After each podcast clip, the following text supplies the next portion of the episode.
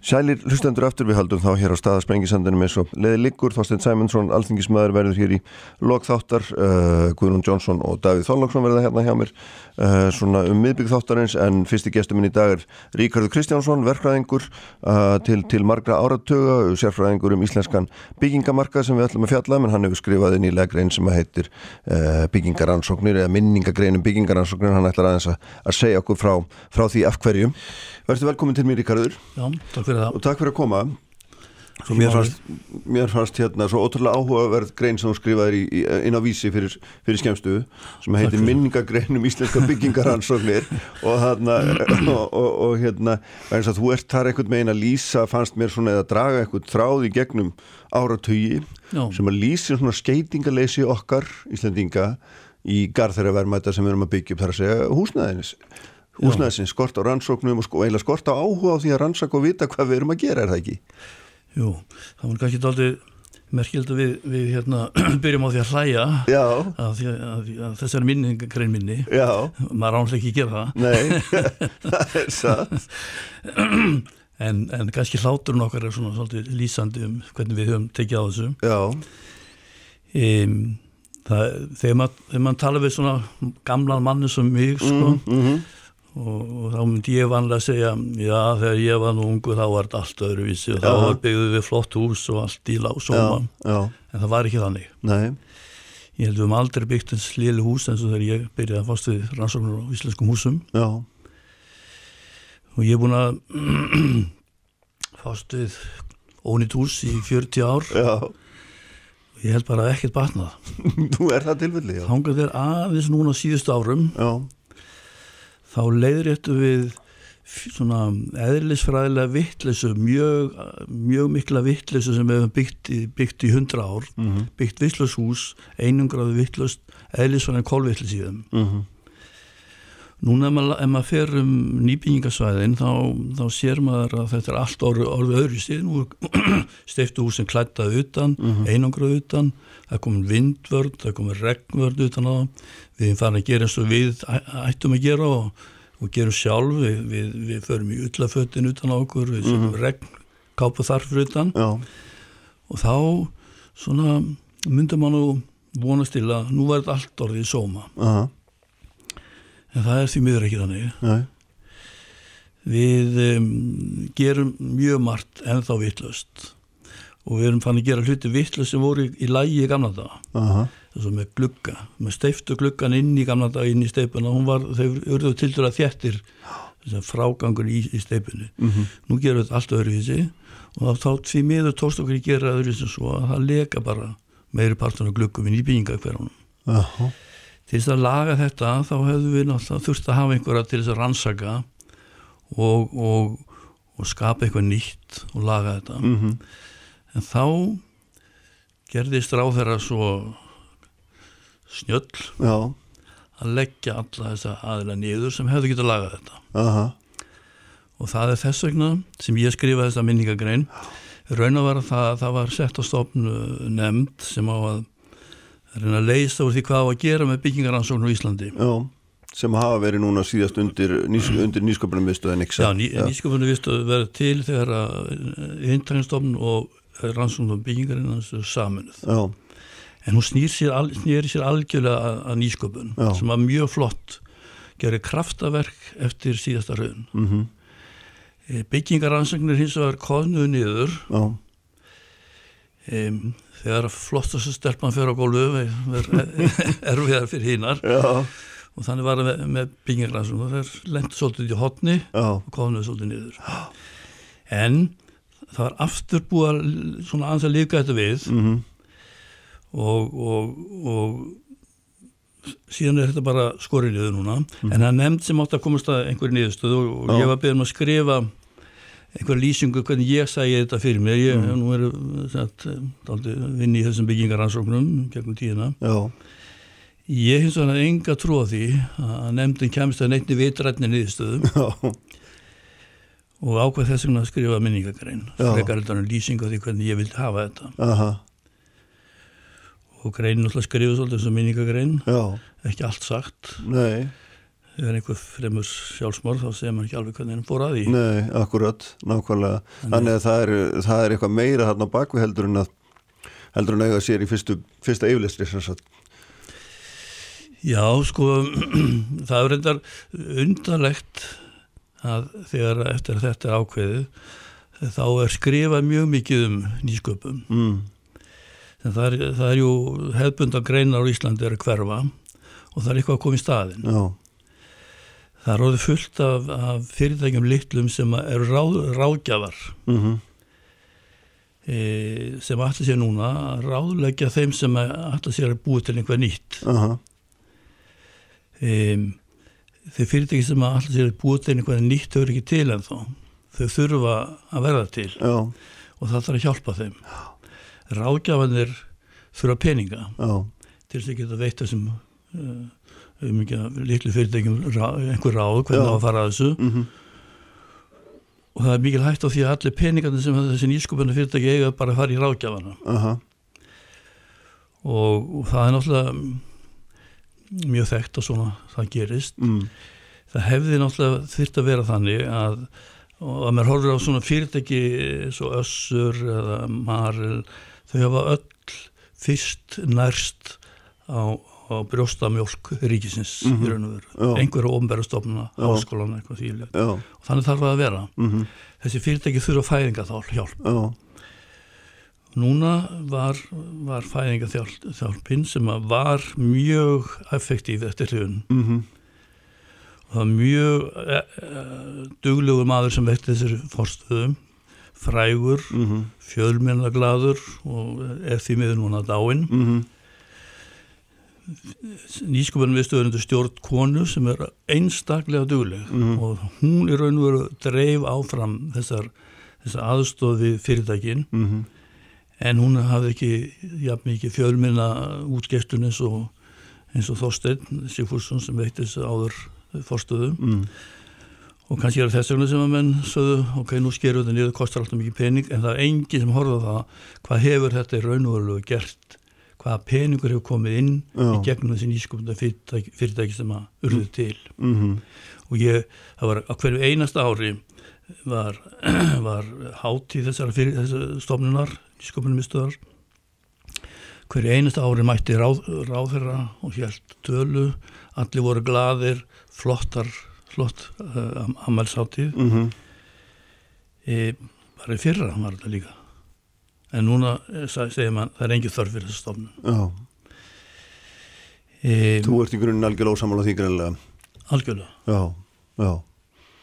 Og hvað hérna, og, og, og þegar hún er, er hérna löðu niður, eða það er búið að þá sem sagt hverfa byggingarna svona sjálfkrafa með því er það ekki, ég meina það er einhver nefnd sem búið að setja upp eins og þetta nefn aðan sem á einhvern meina ákveð einhvern farveg er það ekki, einhvern sjóð eða eitthvað. En það er svona, maður sér að þeir sem eru fróður um þetta, þeir hafa nú ekki mikla trú að það verði úr því fugglega fiskur. Sko menn, menn tók þetta ákverðun bara algjörlega án undirbúnings mm, og þetta gerast núna um, um áramótin og það er ekki mjög langt í það. Mm. og meðan er í raun og veru stöðugt verið að að, að búa til eitthvað sem ekki er í lægi e, sko raunar eða þannig að nýskofunum og byggingaransóknu er ekkit endilega saman. Og, og ég er endar satt í ráðgjafaráði nýskofunum og vildi alltaf taka raunveru um, RBS rannsóknstofn byggingar eins og plassarinn ekstra annar staðar. Já og gera hana, gera hana aftur af því sem hún var. Mm -hmm. Það var mjög öflug stofnun sem að raunveru breytti byggingarháttunum okkar. Mm -hmm. e, og, og ég, hef, ég, ég tel að, að, að þannig að það að taka núna byggingarhansum og setja eitthvað annað mm -hmm. er í lægi, að mínum að þið, ef það verður eitthvað úr því. Já. En yfirleitt þegar að vera að gera svona þá verður síðan aldrei ekki neitt úr þessu mm -hmm. sko, ef maður horfir á svona bakgrunni í, þessu öllu þá, þá, þá er þá er í raun og nóg, nóg til til þess að stýra þessu mm -hmm. við erum með óheimilega flokna byggingaræklingar e, sem að sem að e, í raun og veru segir allt og mikið um lutina í raun og veru byggingaræklina á Íslandi mm -hmm. þannig að hún segir ef þú ætlar að festa spýtu þá tekur þú nagla. Í vinstri hendina ef þú ert fréttendur og hamar í hafri hendina og svo berður létt á hann naglan þá getur hennar stendur fast og svo ber hann inn. Já, svona er byggingareglugjörin e, hún getur allt öðru hún getur bara sagt ef þú ætlar að festa spýtu þá voru festana og hún verið við lægjum og getur þetta niður. Já, og þá væri ágætt að hafa svona reglugerð eins og, eins og Assyriumenn og Babylónar hafðu mhm, sem segir ef þú festir í spýtu og dettur á, niður á hausina einhverjum öðrum þá hverur hausina þér líka. Já, þetta er mjög effektíft. Aha, vandamálið er á Íslandi að þá myndum mér mjög fáur hausar eftir í byggingar einnaðunum e, þannig að við þurfum að gera þetta eitthvað öðruvísu mhm, í, í raun þyrfti þetta að vera þannig að maður segir í svona reglugjörð hlutin er eiga vera í lægi og þú ber ábyrð á því. Já, ef maður fyrir að leita þess að vera ábyrðinni þá er það mjög undarleg. Mhm, ef einhver byggir fyrir því hús þá ber hann ábyrð í eitt ár. Eitt ár er engin tími í lífi bygginga. Nei, ef ég fór út í búð og kaupi byggingarefni, sement eða eitthvað slíkt. Mhm, og það bílar eftir fimm ár ég fer til efnisalans og segja hann, hörðu þetta er ónýtt. Mhm, þá segir hann hvað er langt sjónu keftar en ég segi fimm ár, þá segir hann skiptir mig kemur, kemur ekki við. Nei, ég ber bara ábyrð í eitt ár. Hönnuðurinn sem gerði þetta hann ber ábyrð í fimm ár. Mhm, það virðist vera eina að mann ber ábyrð í, í bara alla sína allt sín líf og jável fram við döðan þannig að sá sem aðalega ræður þessu efnisvalin, og verktækin bera mjög stutt á ábyrð já, og þessu þyrft að breyta. Aha, það þyrft að vera miklu lengri ábyrð mhm, við erum með núna stopnun sem hét áður mannleikastofnun sem átti raun og að gera allt. Mhm, og það var aldrei alveg ljós hvað á RB að gera og hvað á mannleikastofnun að gera. Nú er búið að leggja mannleikastofnun niður og samin hennar húsnæðistofnun og þetta heitir húsnæðis og mannleikastofnun já, þessi stofnun á að gera mjög mikið. Mhm, hún er til dæmis að halda lista og, og yfir alla vörur sem að má selja á Íslandi má selja. Mhm, e, og það eiga allir sem allar selja vörur á Íslandi að koma til, byggi, til, til þessari stofnun og leggja fram all, all, all, allt það sem er til um, um þetta efni. Annars megar ekki selja það. Já, og stofnun má ekki samþykja það. Mhm, ekkert fara eftir þessu eða væri farið hundraróst eftir þessu væri með mjög lítið af þessum efnisköllum sem við erum að fástu í dag. Mhm, í dag getur keft uh, múrhúð frá Greiklandi ég, að ég er mjög ofta að starfa sem dómar eða matsmaður. Mhm, þá er ég að fást við, efni sem eru kallt blönduð þó að vera þegar 1750 var múrarar sem múraði Pólandómkirkju, hann saði kalk dugar ekki á Íslandi. Það veðra strax af. Já, nú eru liðin 250 ár síðan mhm, 270 reyndar. Og við hefum ekkert lært. Nei, við erum ennþá að nota efni kannski frá um tíma þá, þá vissu þetta. Mm, nú erum við að nota efni frá Gríklandi einhverstaðar mm, sem er sett upp og það veðrast af eftir fimm ár en, en, en innan við einu ári er þetta fínt, sér, sér merkin eitt já, það ber engin ábyrð. Við ætlum að hérna, gerum örstu klíðaríkarur og svo höldum við áfram með þessa fróðlegu hérna, yfirfæri, komum tilbaka til smástund. Já, sælir aftur hlustendur, við höldum hér áfram á sprengisandunum í dag og við erum að tala hér um já, sögu byggingarinnarins og, og rannsóknarstofnum byggingarinnar sem á að leggja niður með nýsköpunum miðstöð Íslands og hérna og mikilvæg þess að halda áfram rannsóknum og byggingum. Ríkari Kristjánsson verkræðingur er hér hjá mér hefur nú marga fjörun og sopið í þessum málum held ég mér sér nú ótt að segja síðustu áratugum. Sko hérna, það sem þú ert að lýsa bæði með þessi, þessi glugga vandamál og þennan innflutning á efnum sem virkar ekki hérna þetta er alveg stór merkilegt því að það er alveg greinlegt að menn hafa fulla þekkingu á vandamálunum Sumir, Já, ég meina það, já, já, ég meina einhverjir allavega, já, ég segi það, ég meina það er einhver þekking í landinu á þessu greinlega já. já. sko vandamáli eins og ég sagði að maður var að lýsa þarna mannveikistofnun Já, sem er og ég, ég, ég þekki núna ef ég horfi á starfsmenn mannveikistofnunar sem heitir núna húsnæðis mannveikistofnun þá er það einn maður inni sem ég þekki sem hefur mjög mikið vik- vit á bygg- byggingar, byggingarmálum flottum maður. Mm, hína þekki ekki neitt og ég þekki mjög marga í byggingareinan já, það, það er eins og einn maður eigi núna að halda utanum allt sem er snýra byggingum á Íslandi. Mhm, og það gengur náttúrulega ekki upp. Svo er annað sem ég hef nú oft gaggrind og menn halda að ég, ég hatist út í lögfræðinga. Mm, en það er nú ekki sonu minn er lögfræðingur. Já, og ég har marga vinni sem er lögfræðingar. Já, en það er ekkert nú orðin slík hefð hjá stofnunum að ráða lögfræðinga inn til stofnunar mm, sem hefur það eina hlutverk að koma vekk fyrir að stofnunum segja eitthvað mm, sem gæti íþyngt einhverjum fyrirtækjum. Og, og það búið til skadabóta skildu á stofnununa aha, þegar ég var að vinna í gamla daga í byggingaransóknum og vorum fórstu alkali skemmtir og það var ákveðið að breyta sementi og breyta og banna hluti, banna við svillefni. Mhm, það var alveg ljóst að við gáttum verið að skapa okkur, uh, skapa okkur skadabótaskildu en okkur var bara alveg sama. Já, við vorum embæðsmenn við grættum ekkert á þessu. Mhm, og við vorum að vinna fyrir þjóðina. Mhm, og það voru, það voru mjög hugaðir embæðismenn í Reykjavík. Það var borgarverkræðingur, hann bara ákvaði fyrir sitt, sitt einstæmi Mm. ég ætla að banna nótkun á söltum fyllefnum og sjó. Vissum, vissum tegundum. Mhm, í dag verður þetta algjörlega útloka við höfum engan lögfræðing okkur við lið. Það var Mm. enginn sem saði ef þið gerir þetta, ef þið skrifið þetta mhm, þá getur einhver komið og, og gert skadabort mm, það var oft hringt í mig og, og mér var, sagt þú ert að valda mér 20 miljónur konar skada já, með því þú ert að tala um húsin í Breiðholti og árbænum. Og, og, og ég ætla að fara í málu við þig. Mhm, og mér var bara alveg sama. Já, Eh, ég vissi nákvæmlega hvað var að gera og Mm. bara full ábyrðað sem var að gera. Mm, í, það er ekki mjög langt síðan að ég kallaði saman hóp til að fást við þess að einungunar aðferð á, á, á hús Eh, lengi við, við einungunar sem húsin er innan og það er ekki elsinulega vittlust en Mhm. það er ekki endilega hann hefur sagt að þetta verði sko vandamál það getur orðið vandamál Mhm. það getur sloppið og þú getur ekki við haft vandamál en svo kemur nýja leyendur og það verður að fyrir allt í villisu já, e, þetta var gert með plasti sem var límt upp og það var púsað á þetta. Mhm, svo k- kemur því að það finnast ekki múrar á Íslandi.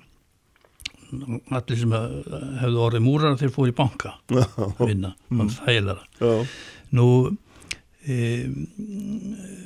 þá tókum man upp á því að man, man var að byggja útvekkin eins og innvekki setja grind og e, einangurinn inn í e, steinull rakavörð svona, og svo skera með rakavörnina og setja alla ragnindar út í. Mhm, eins vittlust og hægt er að gera. Aha, Ég kallaði það mann hóp, þar á meðal vorum verkvæðingar frá mannvíkstofnun og við skrifum greinagerð um þetta. Mhm, af því við höfum séð að þetta var kolvillust og þetta var vanda, stór vandamálum. mhm, Þetta er blundandi vandamáli í fjölda öllu húsum á Íslandi. tiltöra nýjum húsum eða hvað, Mjög, mjög ný, Já, já. Innan, við tíu ár, aha, 10-15 ár. Mhm, E, við lögum síðan til, skurðum skrifum þessar greiningar, lögum til að mannvíkstofnun bannaði þetta. mhm, og þeir hafa fulla heimil til að spanna þetta. Og í greininginu stóð að allir sem skrifuð undir þetta lögðu þetta til. Síðan þegar þetta fór út frá stofnunni mhm, þá var lögfræðingur stofnunar búin að skera uh, þetta út að banna þessa aðferð. Heldur var þetta sendi byggingafutru og sagt við mæðumst til þess að þið lesi þetta. Já, já, já, það var sem búið að klippa alla tennundar þessu. Mhm, ég, ég, ég held að ef að mannvíkstofnun hefði bara bannað þetta mhm, þá var það lausið stór, stórkoslegt vandamál sem hefur komið upp við það mhm, og er að hrjá menn í dag. Því þetta með að miklar, ekki mikla á, á vekkina og, og það hefði ekki komið neina skadabóta en menn hafa með einn ráðar hefur sagt að má ekki íþingja fyrirtækjum. Mhm, ég vil þó sé augljóst og sanna að þau eru að svindla á viðskiptavinu sínum. Mhm, svona setningar er alveg fatal. Mhm, já, og hvernig er svona, þú veist, ef, þú horfir þessi svona 10-15 ára aftur í tímun og á allar þessar nýbyggingangar sem eru oft heyrt þess að sögu sérstaklega fyrir hrun það hefur verið svo mikill æðbunni gangur þetta sé allt saman hérna, allt er alltaf mikið satt en margt að þessi illa byggt og svo framvegs er, er það ásvonanlega að við rauka styðja svona fullinningar eða hvernig Já, vissum, já, að vissum margir að það. Sko, fyrsta leið er efnismálin, það sem að mannvíkstofnun ætti að gera Mm. og ætti að halda listi yfir það. Marg, þetta er eitthvað sémerking sem er, tána það er, er framleitt fyrir evróskan innað og Mm. samþygt í Evrópu. já, margir halda að þar með efni notæft allstaðar mm -hmm. En, en það er, það, það er viss setning sem er fit for purpose. Uh -huh. það er efni verið að henda og það er það er, nýsk, það er, það er hérna manningstofnunar og efnisala að sína fram á að þetta sé í lagi. Þetta er ekki gert. Alls konar efni handónit efni er selt á Íslandi. Mm -hmm. og, og mikið miskilningu í þessu. Og að því að, að, að ábyrðin svo stutt þá skiptir þetta ekki máli fyrir þá sem er að selja. Það er svo Þeir stuð bara að selja, selja efni hér sem að hendar alls ekki íslenskum aðstæðum Já. er ágætt annar staðar en, bara gagnast okkur ekki neitt. Það, það verður engin veðrótt í líkingu þessi við höfum. Mm -hmm. svo er annað við fórum, við fórum að, að taka ellenda starfsmenn sem eru mjög flotti starfsmenn. Ég hef aldrei, ég var, var hönnastjóri hörpu og við vorum með pólska, rúsneska, litáa, letta Mhm. í vinnu, flotti starfsmenn. Mm. en þeir, náttúrulega- þeir, þeir lærðu í Lettlandi eða Litáin eða hvað sem er þeir eru ekki vanir okkar vinnubröðum þeir eru ekki vanir kröfunum sem við gerum og þeir eru ekki vanir kröfunum sem að byggingana sem þarf að gefa til byggingana þú veist að þetta með gluggum, þú veist að gera allt öðru sem heldur en í Litáin eða, eða, eða Portugal þetta vantar. Já. og þetta er að valda okkur erfileikum Eh, ég held að flest allir þó ekki allir Mm. hafi áhuga á því að byggja vel á Íslandi en það, það er mikil hraði og það er mikil hraði í dag á þessu og það vantar eins og RB sem ég legg hérna til sem fer bara út á markaðin rannsakar þessu hús tekkar af er því lægi eða er ekki lægi Mm. og þetta gerum við fyrir 40 árum Já. við, við rannsakar við þög allan anskotana Mm -hmm. Og svo, svo þegar við komumst að því að þetta er ekki lægi þá þarf að gera eitthvað, það þarf að gera massíft. Það þarf að kenna fólki, það þarf að banna aðferð sem ekki er í lægi, það þarf að banna efni sem ekki er í lægi Mm -hmm.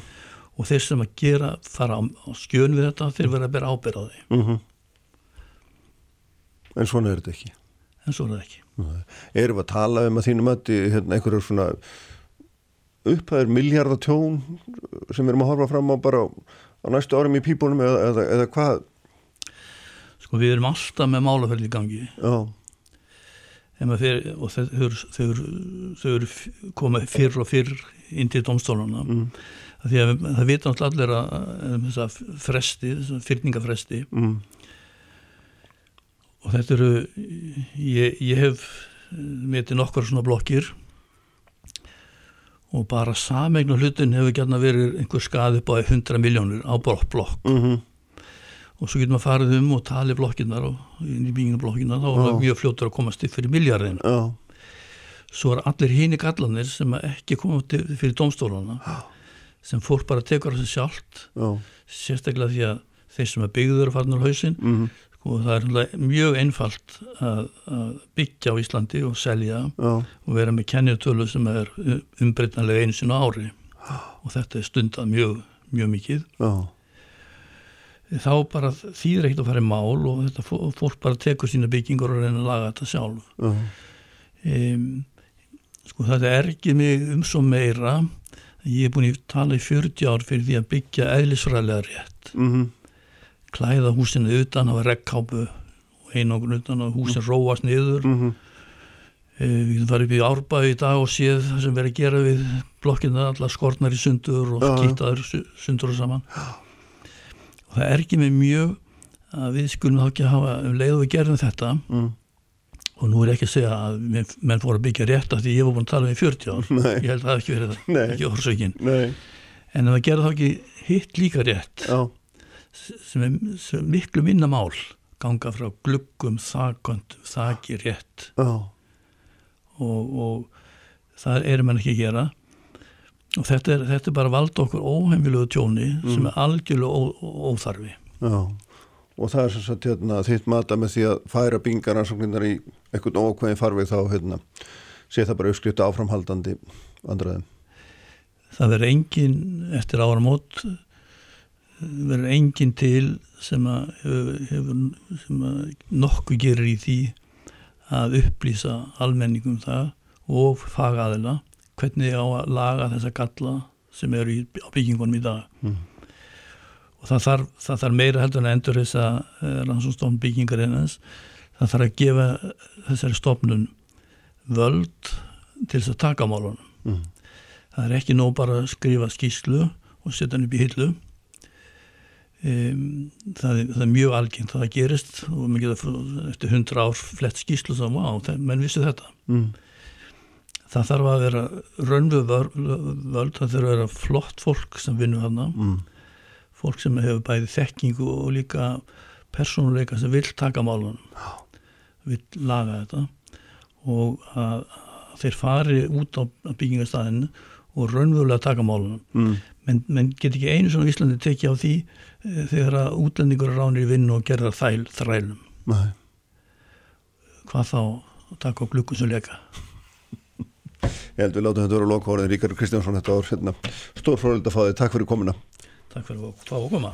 Við haldum ára á minna sprengisendunum eftir augra blikk Já, hlustundu góðir, haldum hér áfram uh, Ríkardur Kristjánsson, verkræðingur farin frá mér uh, eftir að hafa miðlað hér af reynslu sunni um áratúa skeið á, á, á byggingaransóknum á Íslandi en þau eru búin að koma sér fyrir hjá mér uh, Guðrún Jónsson og Davíð Þorlarsson Guðrún auðvitað stjórnamaður í live efnarsráðgjafi Vaffer og, og hérna prófessor uh, uh, Davíð hins vegar fórstuðum að samkynningsvið samtaka atvinnlífsins, við ætlum að ræða hér aðeins já, halda áfram umröðu frá því í síðustu viku um, um, um lífeyrismál um, lífeyrissjóði, hver má skipta sér á lífeyrissjóðum og hvað, má, hvað hver má segja. Verðið velkominn til mér bæði Guðrún og Davíð. Takk. Hérna sem ég var búin aðeins búin að nefna hérna ingangin um langar aðeins að reyna að halda að þessari umröð áfram sem ég var með hér síðast um, um lífeyrissjóðuna og hver má skipta sér að hverju og, og hvenar og hvernin og hérna uh, og svona uh, þetta æslandir mál sem leitti okkur á þessa braut var mjög atilsvertur í margar hlutasækir, ekki síst fyrir það en líka fyrir hérna svona Uh, hugmyndir um hlutverk stjættafélag og stöðu þeirra ásfram sem langar aðeins að, hérna, að sko hérna uh, ræða við ykkur um þetta sko. Ég tók eftir þess að Óli Bitt Kárasson sem er nú hérna málsmyndandi þingmaður mjög hann fullift í grein í morgunblæðina og ofinbæri yfirlýsingaformans var að fer sko geng gegn lögum, reglum og, og grafindan trusti á lífeyrissjóðum og hérna og þar með hagsmunarlauna fólks Ragnar vildi nú alls ekki meina það þegar hann var hérna hjá mér fyrir viku Guðnútt Hútt stjórnamaður í live er rétt. Já, meðal annara hlutarka og efnarsrákjaði vaffer og hérna sýtum við hann vaffer í stjórnunni. Ég meina, hvernig slært það þig? Já, sko, stjórnamenni lífriðsvonum er undir þrýstingu allstar að út um allt og, og á hverjum degi já. og ég menna sérstaklega þú stjórnendur lífriðsvona, mm. þetta hérna eru, eru, eru stjórnamennir í eftirlitslutarki og en hafa þó þessa lögbónust að taka stundum ákvarnir um fjárfæstingar endingu og uh, þannig að það ætti nú ekki að engin, engin þarf að detta fram á stólunum þó að komi upp einhver sjónamið frá, frá þessari hlið mm. Og kannski sérstaklega þegar haftir í huga að, að það er okkar kerfi bara byggt upp þannig og samkvæmt lögum og samþygtum að í því eru fulltrú áratunurreikanda, fjórir mm. ofta tíðum og fjórir frá fulltrúum stjættafjöla mm -hmm. og og uh, þannig að sjóð, almennu sjóðfélagi hefur í rauninni enga uh, engan möguleika á að hafa áhrif á það hverjir, hverjir siti í stjórnunum fyrir þeirra hönd, því að þetta er náttúrulega bara almenningur sem álu yfir í sjöðuna mm -hmm. Eh, nema þá í gegnum stjættafélagi það er rauninni sá sem hefur kannski næst kemst næst umbúðinu sem er hitt endanlega, endanlega um, uh, umbjóðandi mm -hmm. Uh, svo, að, uh, svo það er algjörlega viðbúið að, að bæði sem stjórnumann almennt eru auðvitað undir þeim, það er ekki mikið starfsöryggi í þessu, mm -hmm. þessu starfi, ég get sagt ykkur það mm -hmm. og, og hérna það er alltaf ákveðin, ákveðin sjónamið uppi hvaða fólk er valið í stjórnirnar og, og hvaða hæfileika þeir eða, eða reynslu eða, eða þekkingu þeir hafa að bera og svo er auðvitað þegar maður kemur að, að stjórnfélags sem, sem umbóðsmaður, mm -hmm. hlutafa eða, eða í þessu til því sjóðfélaga að þá uh, má alveg vænta þess að þessi einhver sín frá hinnum endan einhver hlutafa sín eða, eða hlutafa stefna eða, eða eitthvað slíkt mm -hmm. uh, þannig að ég held eins og ég segi sko að mann þurfa ekki að fara límingunum þó að komi, komi sjóna með úr þessu hortni þar sem að í rauninu umbóði er hva, hvað sterkast ef mm -hmm. það er mhm. einhver starf mm -hmm. Hvað segir þú um þetta? Er þú sammála ólabitni og, og hérna og reynda framkvæmstjóra samtaka aðunlýsin sem að taldi að þetta væri allt saman kæralegt til FME, hvernig hérna Ragnar talaði?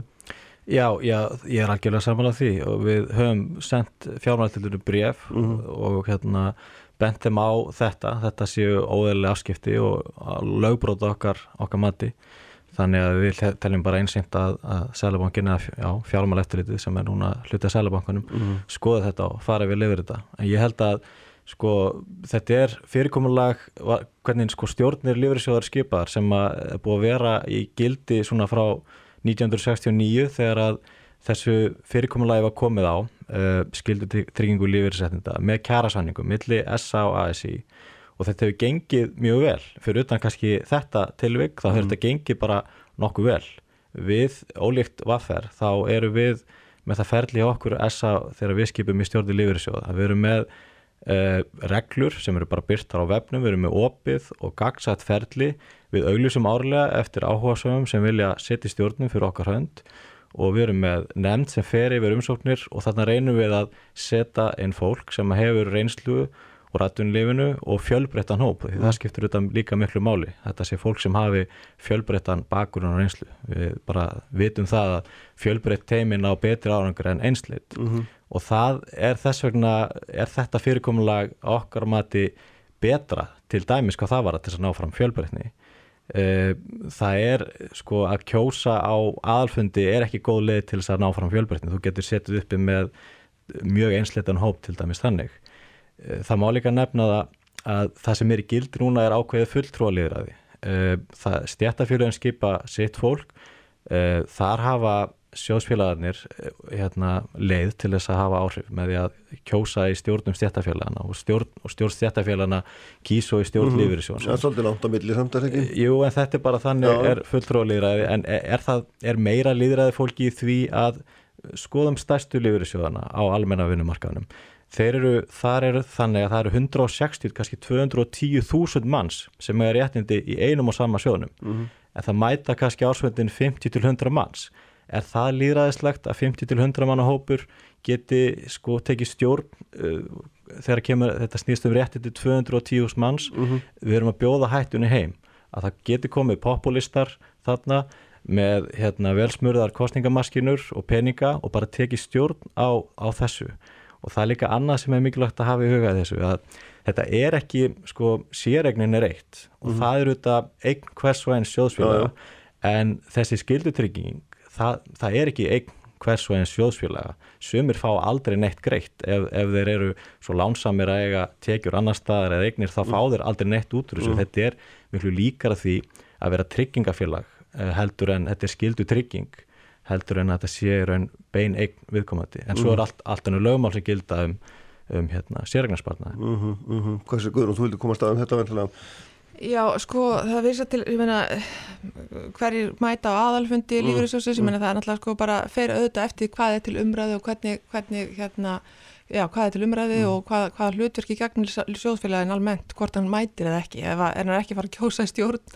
þá held ég að sé ekki uh, tilöfnið fyrir hann að mæta, ég meina mm. þannig sé, ef hann er ánað með bara það sem kemur fram, mm. eins og það sko, er auðvitað að, hérna, bara öll þessu umræða, hún, hún varpar rauninni ljósi á það að við þurfum kannski að fara, fara ofan í það, hvort þetta sé heppilit fyrirkomulega og uh, til dæmis hefur þrýstingurinn ekki bara verið frá uh, núna nýlegað frá, frá fulltrú á stjættafjöla Uh, hann er að sjálfsög líka frá hinnu ofinbera, mm. uh, ég meina það var ráð þegar nefnd efnaðsmála sem setti hérna á starfshóp uh, árið 2018 um það hvernig lífið er sögur eða koma að atvinnu uppbyggingu á, á Íslandi upp á sér degið, ég meina er það í hlutverkir í ráðhverjana að, mm -hmm. að mhm. fara að skoða það hvað ykkur á fjárfesta aftur kemur til, til núna nýlega tilmæli frá Sæðlabankanum þar sem að lífyrirsöðnir eru beðnir um að fara ekki út úr krónunni til dæmis mm -hmm. og fjárfest ekki gegnum COVID. Mm.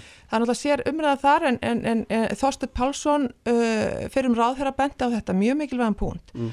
að, að þarna eru íþingjandi aðgerðir í rauninni eða íþingjandi tilmæli til tiltekins fjárfesta á, á, á markaði og uh, á meðan að stórir íslenskir fjárfestar geta farið út úr krónunni uh, stórir erlendir fjárfestar geta farið út úr krónunni þá eru lífyrirsvöldnir beðnir um að gera það ekki mhm. almenningur mm -hmm. á ekki að fara og nýta sér tækifæra á hlutabröðumarka erlendis mm -hmm. þannig ef okkur langar ekki til að fjárfesta í húsa í um, reytum eða einhverju slíku og sjá hún mm. tækja fyrir Apple mm. þá bara eru er, er okkur, beint, þá er það okkur beint inn á þær brautir að gera það fre, síður mm -hmm. uh, og, og aftur á móti ég er búin að fara í gegnum uh, sem sagt uh, allt sem að kemur frá Sælabankunum um þetta efni og ég bara get ekki fundin en að skýringu á því hvers vegna Sælabankin gerir þetta uh, hvers vegna hann beinir svona spjótum sínum að uh, bara lífyrsjóðum og ekki öðrum mhm. fjárfæstum um, og uh, heppilegt að Davíð er hérna því að hann er náttúrulega lögfræðingur sko mm. að þeirra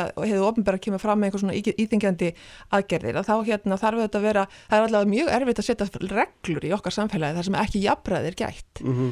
meðal, meðal fjárfesta þetta er alveg viðskipta frelsi sem að tekið er af lífyrirsjóðunum bara núna þessi töluðu um orðunum mm -hmm. ég get alveg, ef við förum aðeins ofan í það get ég alveg skilið það í, í þegar COVID kom og, og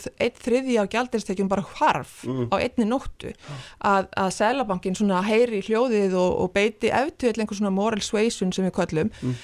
um, og kanni það hvaða streymi væri út uh, vænt út og, og hérna hvort að mm, Sælabankin hefði ekki svigurum til þess að, að til dæmis að fara að uh, bara skoða stöðuna og hvað er þetta að mm. gera mm. en það vil svo til að gældirisforði Sælabankar er núna 1000 miljardar, hann er mjög stór í sögulegu samengi og náttúrulega bara í hans hlutverki að, að, að sjá fyrir eða sjá, sjá til þess að hér, við, við öll, almenningur njótum mm. varstöðuleika og fjármjörnustöðuleika lífur í sjóðun eftir að móti, þeir eiga að sjá um að ávaksta e, eh, fjössjóðfélaga og það er þeirra hlutverk mm -hmm. að, að, að, og kemur ekki inn á inn á stöðuleika krónuna sem slíkrar mm -hmm, en það er alltaf vandið með lífur svona að þeir eru svo, svo stórir og þeir hafa svo margvíslega áhrif í Æ. einu, þeir geta haft áhrif á vinnumarka og sparnað og, og erlenda fjárfæstingar og innlenda fjárfæstingar geta hreift gengið Algjörlega, og við erum bara náttúrulega með þannig gjaldmiðlega mm. hver sem er stór, ja. hann, hann hreifi við en, en það að, að taka lífið þessu út fyrir svega mm. og ekki beina sömu,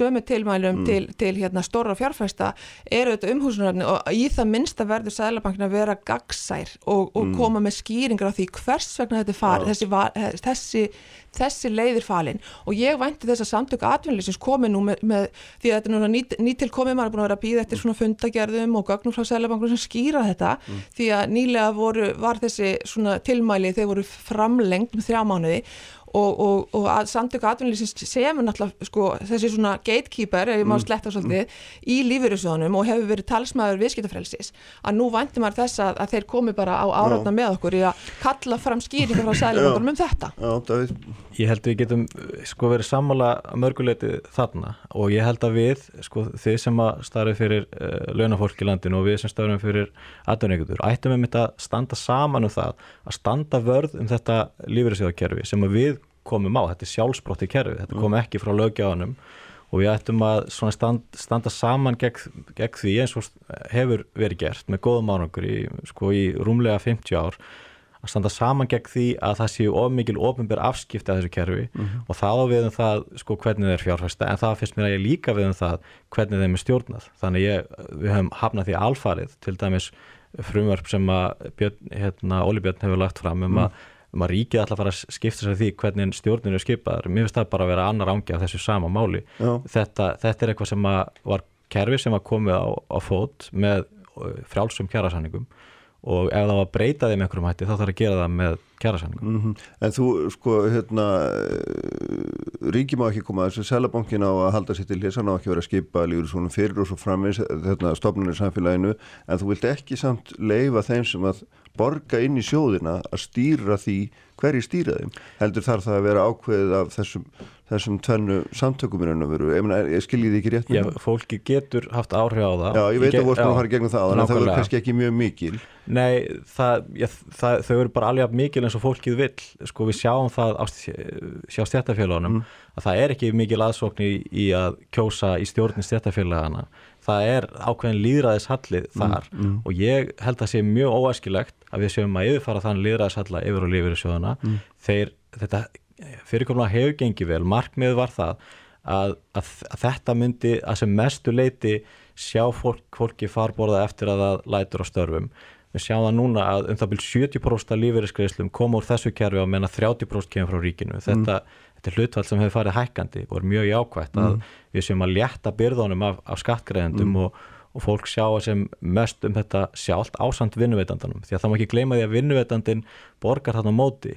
Og vinnuveitandur frá árinu 1900, eða fyrir ekki aðtunreikendur frá árinu 1969 hafa litið að sem sitt hlutverk að tryggja sínu starfsfólki eftirlaun. Og ef það er þannig að að atvinnureikundur er ekki lengur að fá að hérna, hafa áhrif á stjórnirnar mm -hmm. og þá er það greinilega ekki lengur ætlast til að þetta sé hlutverk atvinnureikenda að sjá fólki fyrir lífeyris Er það þínum að þetta er óskiljanlega hluti að setja stjórnin og borgin í sjóðin að halva atvinnureikenda? Mér, mér finnst það bara að vera augljóst ef, að, ef, að það, ekki, ef það bara borga en ekki hafa neina áhrif á hvernig þessu stjórnað og passa upp á það að þessu sér stjórnað en passa sem, upp á hvað nákvæmlega pa, passa, upp, að, já. Já, pass, passa upp á það nákvæmlega mm. að þetta gangi áfram svona með þessum góða hætti mm. það sé verið að ávaksta peningi þarna vel með hæ, hóflegri hérna, áhættu mm. það er að eina sem, sem það snýst um mm. en það hef, eins og ég nefndi við hjá SA höfum við þetta skýra reglur um það um sjálfstæði stjórnamanna og þeir fari að góðum stjórnarháttum þannig mm. við séum ekki að skipta okkur með einum hætti að því að öðru leitin því að reyna að skipa þarna inn fjölbrettan hóp fólks mm -hmm. sem að hefur þekking og reynst og mentum sem þarf til þess að þú ert samt að segja mér að það þurfa að passa upp á einhverja hagsmunni ég er að segja að það þurfa að passa hags, einhver hagsmunni ekki annara heldur en sjóðsfélag, ekki annara heldur en fólksins mm -hmm. að það, það fái líferi þegar það hættir störfum. Það eru einu hagsbrundir sem þarf að passa þarna upp á. Og engin annar er hæfu til þess en, en aðdurningarnir sem borgar inn í, á þessu verkefnisefingunni. Stjættafélagin og mm. aðdurningarnir, það er það fyrirkomulag sem við höfum komið okkur saman um og hefur gengið vel. Já, ég veit það, en já. ég er að spyrja, er engin annar hæfu til þess? Uh, já, hver, hver ætti það að vera ríkið? Já, bara ég geti búið mig fram til dæmis. Já, Nei, já þú getur gert það. Ég meina, við höfum árlega, mm. hérna, augljósu við og eftir fólki sem vil sitja þarna, ég hveti bara til þess að sækjum þess, þú er mjög hægt til þess. Já, takk fyrir það.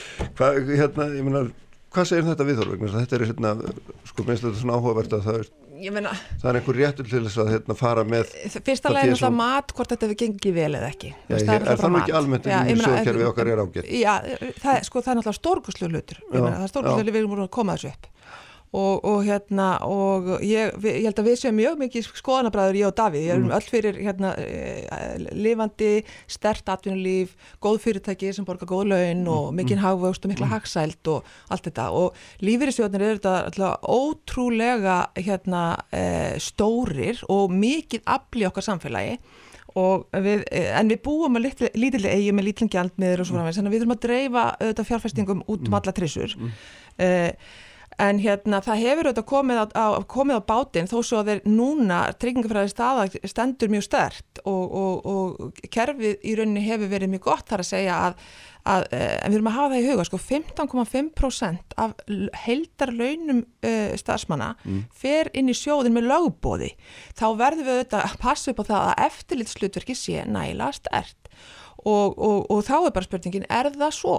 Uh, er hérna og, og lífriðsjóðnir og, og, og þeir eru bara þetta stóri hlutvallega af landsæðanslu sjáðu til þess að bankana hvernig er eftirlýstöðverk með, með böngum þar eru bara eins og nefndir og það er, það er mjög hérna mikið eftirlit með böngum mm -hmm. í rauninni ætti sama eftirlit að vera líka með lífriðsjóðan uh, eh, en, en þessi röka að hérna af því að atvinnreikandi greiði launþeganum í formi lífriðs mm -hmm. uh, en ekki útgreðslu launa Eh, þau náttúrulega haldi ekki neitt þá þurft að fara að tegja þið yfir í það hvort að við, við komum til aðunreikandi vill ekki að starfsmæðurinn sé nú á, á hérna, rámangsbílum til þess að draga á mengun og, og þú veist, það er mhm. náttúrulega bara forræðisíkja, er það ekki? Já, ég veit ekki alveg hvað maður á að kalla. En mér langar rétt að spyrja á það við gerum hlýja sko hérna, sko að því við hérna, byrjum að þess að þessu svona afskiptasemi og hérna af fjárfæstingum sko í tilteknum fyrirtækjum. Ég meina, þú, þú segir að menni ekkert eftir stólum þó að einhver hafi einhverju skoðun ás og, og hérna, ég, ég heyri að sumir eru því samanlega um það aðrir á móti. En ég meina, það er svona sko, það er fullt af fyrirtækjum sem að eru að gera alls konar hluti sem eru ekki æskilegir. Getur við sagt hérna bara Arjónbanki sem að, hérna, er að fjárfesta í, þar sem að, hérna, er mengandi yðja sem að hérna, íbúðanir eru algjör á móti. En ég sé ekki vaffer sko og ég ætla ekki að fæla dóm Arjónbanka en ég sé ekki vaffer ráða sérstaklega það. Og, og, þarna, við, En þú ert að fara inn á það hvernig eftirlitskerfið er sett upp? Ég er að fara inn á það þegar þú kemur með svona miklum krafti og, hérna, og segir þá ekki að kaupa bref í þessum en þú talar ekkit um alla hinn ég heldur þetta að sko þessu umræðuvarandi Æslandi er mm. að vera náttúrulega stærri samingi það er nú stjætt að vera almennt og yfirleitt sko, þannig að þetta er ekki snúist bara með einhver einn ein bref og eina stöðu tökka einhvern einhvern tíma mm. það var miklu stærra máleldur en það, við veitum mm. það bæði mm. en hins vegar uh, sko það, það kemur inn á eftirspartin að það, það er auðvitað sko þegar maður skoðar að lífyrirsjóðnir eru, eru það sem við kallum svona á amerísku fiduciary, mm. þeir eiga að, að passa upp á peningin, mm. að hann verði ávastað með, með tilteknum hætti þannig að skili fyrir fram ákveðnum lífveri þegar, við komum til fyrir á eftirlaun mm. og sem hlut allar að launum við, sko, lífriðsvöndir lofa því og þeir verða ná til tekin ávistun en því fylgir að velja vel eigninar mm. en því fylgir líka að sækja tjón ef að það verður og, og hvað fælst í því að sækja tjón það er að fara í mál við mm. stjórnendur, hlutafa hinna og þessa í, í, í, í samfélaginu og hvað hafa lífriðsvöndir gert í því efni? Já, veit, veit Davíð það? Hversu mörg mál mm. hafa það sem að lífeyrisjóður hefur verið málsefandi eða, eða, eða höfða mál gegn einhverjum stjórnunda sem hefur brotið lög og, og haft penning af, af lífeyrissjóðunum. Ja, hefur það, gæst? bara svörum þeir spurningu, spurningu. Ég, ég, það hefur gæst einu sinni eftir hrun. Það var lífeyrissjóðverkvæðingar sem að fór í mál mm -hmm. við, við stjórnanda. Og það gerðist þrjusunum árið 1996 og 1997 það var Vestlamann sem fór eftir einu sjóðstjóra sem, að, sem að hérna, fór ílla með peningana. Að öðru leiti frá 1969 að öðru leiti hefur það ekki gæst og það er auðvitað vekur upp stóra spurningar um Hvena það, það vekur upp stóra spurningar um það. Það voru fullt af málum sem fóru hérna fyrir, fyrir, fyrir domstóla hvaða mál er það? hvaða málum, ef maður fara að týna þetta til? Markasmisnótgun og svo fara með sem, a, sem að var að gerast í, eftir, eftir að bankarnir hrundu að þá var fullt tilendin til þess að kanna fullt tilendin til þess að kanna hvort að lífyrirsjóðin hafi orðið fyrir einhverju tjóni. Og ég hef bara ekki séð neyn Mm -hmm. dæmi um það, mm -hmm. að lífurinsjóðunar hafi sendt þessu hlutverki sína. Það ætti þá að vera nærtækt fyrir þig að, að, að fara í þetta Þá, þá spyr maður, já, ég, ég bara kem inn í, í fyrra sko, já. þannig að hérna en, uh, en þetta, þetta er held ég sko stóra spurningi núna, er, er, er þetta kerfi eins og við viljum hafa það og er það að þjóna sjóðfélagum eins og á að gera? Mm -hmm, já, ég heyri að hérna, það eru skipta skónum þetta, ég ætla að taka smál hér hérna Guðrún og Davíð höldum áfram eftir ögnum líka. Sælir afturlustundu góður, þau eru hérna hjá mér Guðrún Jónsson og Davíð Þorláksson. Uh, við hefum verið að ræða lífur í sjóðuna og eitt og annars sem þeim tengist og hérna Guðrún við, þú byrjar aðeins að tala um þetta hérna, að æslandirmáli var í starra málum ég stæði mitt áhugavert að ræða það eins í starra samhengja því því með ykkur bæði hérna sko uh, þessi, þessi hugmyndafið um að, um að hérna og ég veit að þið stuttu hana uh, diggilega hálfu æslandir að, að semja ekki við flugfröður heldur. að að fara aðra leiðir eins og það kalla það endaði nú ekki þannig reyndrar en það var samþyggi fyrir Þetta því. Þetta var ekki plan A hjá einunni neina Nei, nei, ég veit það, en það var samþyggi fyrir því þegar það til átt að taka, ekki satt? Við förum með samnings samnings sem góð fyrir hönda Íslandi. Já, já. og staðan er, er þannig að sko félagið er að, er að róa lífróður eins og, eins og allir vita. Eh, stendur í mjög harðri samkeppni við Erlend flugfélög sem eru öll búin að sko breyta sínu mótil og sínu kostnæðarmótili og þetta er mjög einfalt að því herri sem kostnæður þinn er uh, þar á með launakostnæður mm. uh, því sko herri verð verður að bjóða upp á og mm. því verð gengur þeir í samkeppninni uh, British Airways er til dæmis búið að sko að segja upp öllu sínu hérna, öllu sínu flugliðum og allar endur á að hluta á 50% læri launum Váer var með kjærasanning, mm. þetta er svolítið sérstök staða þarna því að yfirleitt er sko eins og það er kjærasanningur á milli SA og Vestlunumanna og hann gildir um alla Vestlunumenn alveg óháð því hvort þeir sko vinna í hérna Nóatúni eða í Haugkaup mm. en sko á þessu markaði er sér kjærasanningur, var sér kjærasanningur við Æslandir og er mm. og sér kjærasanningur við Váer þar sem var, þetta er alveg sambaralið störf og þar voru fluglegar með 27% læri laun og Play er sem að hérna, hefur bóðað að þau ætla að borga 30% læri laun heldur en VÁ er borgaði. Mm -hmm. eh, síðan er gjör þetta var erfið staða fyrir. En þegar kemur, koronakreppan kemur og sko vestakreppa hérna í marga áratvíi eh, sem hefur sérstaklega slæm áhrif á ferðarþjónustuna að þá verður að breðast sérstaklega við því. Eh, og Æsland er að semja við, við sína sko viðsemyndur Uh, er, já, og þar á meðal eru, eru starfsfólkið.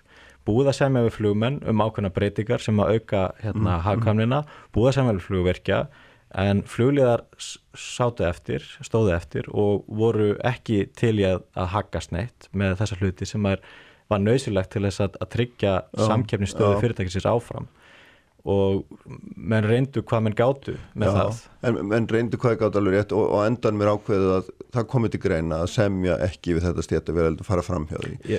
Frekar en að, að félagið farið þrótt. Já, ég veit að þetta er samt ákveðin áherslu breyting og ekki, þetta er ekki á íslensku minnumarkað almennt þannig. Nei, þetta er alls ekki fyrsta val neins, Nei. en ef, að, ef að þetta snýst um það að hérna En fyrirtæki hafa róið lífróður gegnum tíðina áður sko. Já, en þetta, þetta var bara grundvallar fórsetta til þess að fyrirtæki geti starfað áfram mm. þetta fyrirtæki er sem er hjartað í mikilvægastu aðgengurinn okkar ferðarþjónstunni. Ég skil það alveg, en er, en er það þá grundvallar fórsendan, er, er það þá þannig rétt að skilja að ef það er grundvallar fórsenda fyrir því að fyrirtæki geti lifað áfram, að það fari fram hjá almennum hérna, vennjum og vinnumarka þá það að gera það, það lítur að vera kjarnaspurning og lækka launum 50% já, ég, það, að, það er ekki verið að lækka laun hjá neinum með 50% nei, nei, og það er engin að leggja það til. Það er bara verið að hugsa um huga því hvernig má auka hagkamnina og jú, ég meina, þetta leita menn allra að leiða en mm. þetta var svo sannlega ekki sko það sem menn kusu að gera. En þetta er bara hvað annað eiga menn að gera? Var, en þetta var fullkomlega löglegt með öllum hætti. Það hefði verið betra að menn hefðu ef að hérna, félagsmenni í flugfræðifélaginu mm. hefðu samþygt sko fyrir samning sem lága mm. borðinu sem að samninganendir á stjórn skrifið undir uh, það hefði verið best fyrir alla ef að það hefði verið gert það, það náðist það ekki, ekki. Nei, nei. En hva, þú er hérna fjallarans um þetta hérna Guðrún í Greinsson skrifaður sem heitir hérna Verald sem verður það er eftir fjallan ákvæmlega um þetta hérna þessa samninga við Váður og Play og hérna segir að samtökatunni hafi skrifað undir þau eða hafi sagt, nota þá sem við og þar með stíið skref í burtu frá því sem við tekjum hér og inn í eitthvað Já, eitthvað óþætt rými sko, Já, það, það er hérna maður, mér er alltaf gott að hugsa um hérna settingar sem að, sem að eru haldið að mér mm. í, í mínu nærri umhverfi mm. segjum svo að það er, skiptir ekki máli hvar við erum heldur hvertu stefnu mm -hmm. og uh, þetta er svona nýr tótt hjá, hjá uh, samtökumallinu sem er alltaf ný fórusta sem er þar í ráðgefandi fyrir sín aðaldafélög og, og ég veldi fyrir mér hvort þetta sé heppilegt, heppilegt, heppilegt skilabóð sem að þeir vilja leggja fram mm -hmm. til sína aðeldafélaga í ljósi þess að lífeyri sjóðunir eru búin að setja sér fagfæstingarstefnu og svo ég bæti aftur við mm, að, að sko uh, sjálfstæðistjórnamanna þrátt fyrir allan þrýstingin held ég að, að allir gerir sér grein fyrir því að þeir eru sjálfstæðir störfum og, við, mm. og þannig, að, þannig að við erum ekki fara að hakast og að fóstræðarann segi eitthvað eða uh, hver það er Eh, þannig að við þurfum alltaf að leggja að til grundvættar ákvörðun eh, eh, viðskillega rauk mm. og núna samkvæmt lögbóði þurfum við að setja fram siðferðilega rauk og samkvæmt fjárfærsleikarstafninu þurfum við að líta til umhverjaðsáta, félagslega þáta og sjálfberdi og þetta er svona stór pakki og það getur verið mjög erfitt auðvitað, að, að, að forgámsraða þarna. En, en, en hérna e, þannig að Þannig að ég held að sko um leið og menn eru farin að leggja fram einhverju svona kröfur um einhverju, eh, einhverju sko þjappa niður launastíðunum með þess, með, með vísinni svona dæmi. Ég bara mm. segja það er ekki, þú ert að útiloka annan markað ef þú ferð svona að þessu. Það er að segja fjármaksmarkaðin mm -hmm. út í gegnum lífrisjóði í það minnsta. Við eh, lífrisjóðin verða að horfa til þess að, að, að, að hérna, það séu sjálfbærni og, og, og, eh, horfa til bara heimsmarkmiða eh, saminuðu þjóðana um sjálfbara þróun. Mm -hmm. það er svolítið mikið, það eru 17 markmið sem að saminuðu þjóðana lagt til Það er alltaf ekki mjög sjálfbart að sitja félagið á hausin Já sko, ég ætla ekki að fara að taka ástöðu því máli, þú veist, ég get það ekki. Ég, það er náttúrulega grunnatrið í máli það er grunnatri í máli Ég hef ekki gögn til þess að draga álíktanar í neinu, því ég hef ekki séð þessu útbóðslýsingu, ég, ég veit ekki hvað áallinir stjórnendur hafa í þessu tilviki og nota beni allir stjórnendur um allan heim eru að díla við þetta. Og þegar mann tala um samkjöfnishærni mm. samkjöfni við hvað, það er ekki verðamenn mm. og hérna og viðskipta líka hérna lí, viðskipta líkan uh, eh, flugfélaga mun sannlega breytast í grundvallar atriðum. Kanski fyrir við bara aftur til þess þegar sem að bara 1% ríkasta fólki fyrir í flögi eins og, eins og við, við höfum hérna einu sinni. Mm. Eh, vonandi ekki og, og vonandi fær neytandi náfram að, að hérna, hafa svegur um almennu neytandi, svegur um mm. til þess að ferðast. En það breytir einhvern það að það verður alltaf samkeppna millir félagana, hvað, hvað nafnir sem þau nefnast og, hérna, og það, það er þetta þannig ef þú ert í alþjóðlegum rekstri og ert að keppa á alþjóðamarkaði þá hérna, þarfum við að taka miða því kostnærum hverju sem það ríkir. Það getur vel verið, en það, það gerir það verkum að sko það eru margar tegundur fjárfesta, mm. sömur eru skamtíma fjárfestar, aðrir eru spákaupmenn, mm -hmm. svo eru langtíma fjárfestar og svo eru svona sam, samfélagslega þengjandi fjárfestar eins og lífyrirsjóðir mm -hmm. og eina sem ég er að reyna að segja ykkur mm. er að þá erum við að útiloka þá sem bakkjarla við félög, ef það er að fara út á ósjálfbæra braut varandi launadreifingar mm. í landinu. Ég held að sko launatrýfingi landinu svo sannlega ekki ósvölbar. Við búum hérna við mesta jöfnuð í heimi. Staðan þannig hjá sko flugliðum er að þar er hérna fólk með kannski e, þryggja fimm ára háskólanáma baki. Þa, það eru kennarar, hérna hjúkurarfræðingar, lögfræðingar eða vinna sem flugliðar.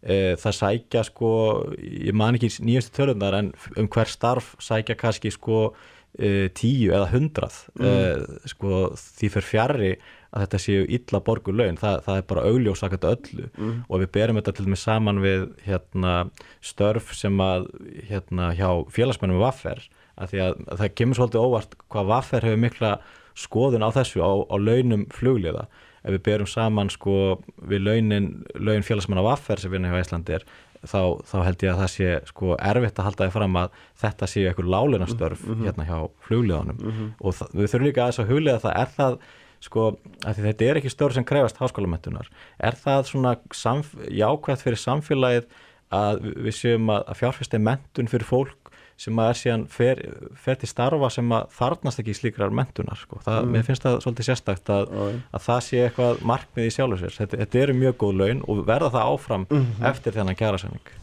Og það er mjög mikilvægt að við höldum í góð laun fyrir ófælart fólk líka. Það á ekki að vera þannig í okkar samfélagi en í öðrum samfélagum. Mm. Slík, slík uh, ráðstofun, hún leiðir til ósjálfberðni eins og ég var að reyna að benda á þessari grein mm. og vísa í rannsóknir uh, Angus Deaton og Ann Case það sem, að, það sem að kemur fram og aftur segja það skiptir ekki máli hvar við erum heldur hvert við stefnum mm -hmm. og, uh, og ófælir í bandaríkjanum uh, sko, slagkrættu þeirra í stjættabartur hefur verið slegin frá þeim og þeir búa núna við fátakt og eru, það er ótrúlega mikil munur mm -hmm. á, á bara þessum hvað ég segja uh, finnst þér þá þetta útspil hafa verið einhvern veginn svona skref í þá átt hér eða hvað? Já, það er það sem er óttast að, mm. að það sé einhvern svona hugmyndifræðileg breyting uh, í, með vísan í þessa, þessa, þessa já, tildaka dæmi já, já, af því það er svo, það er svo stert það er svo, það er svo stórt mm -hmm. það er svo 50% mhm. launalega þetta, þetta er umtalsvert og hver, mm.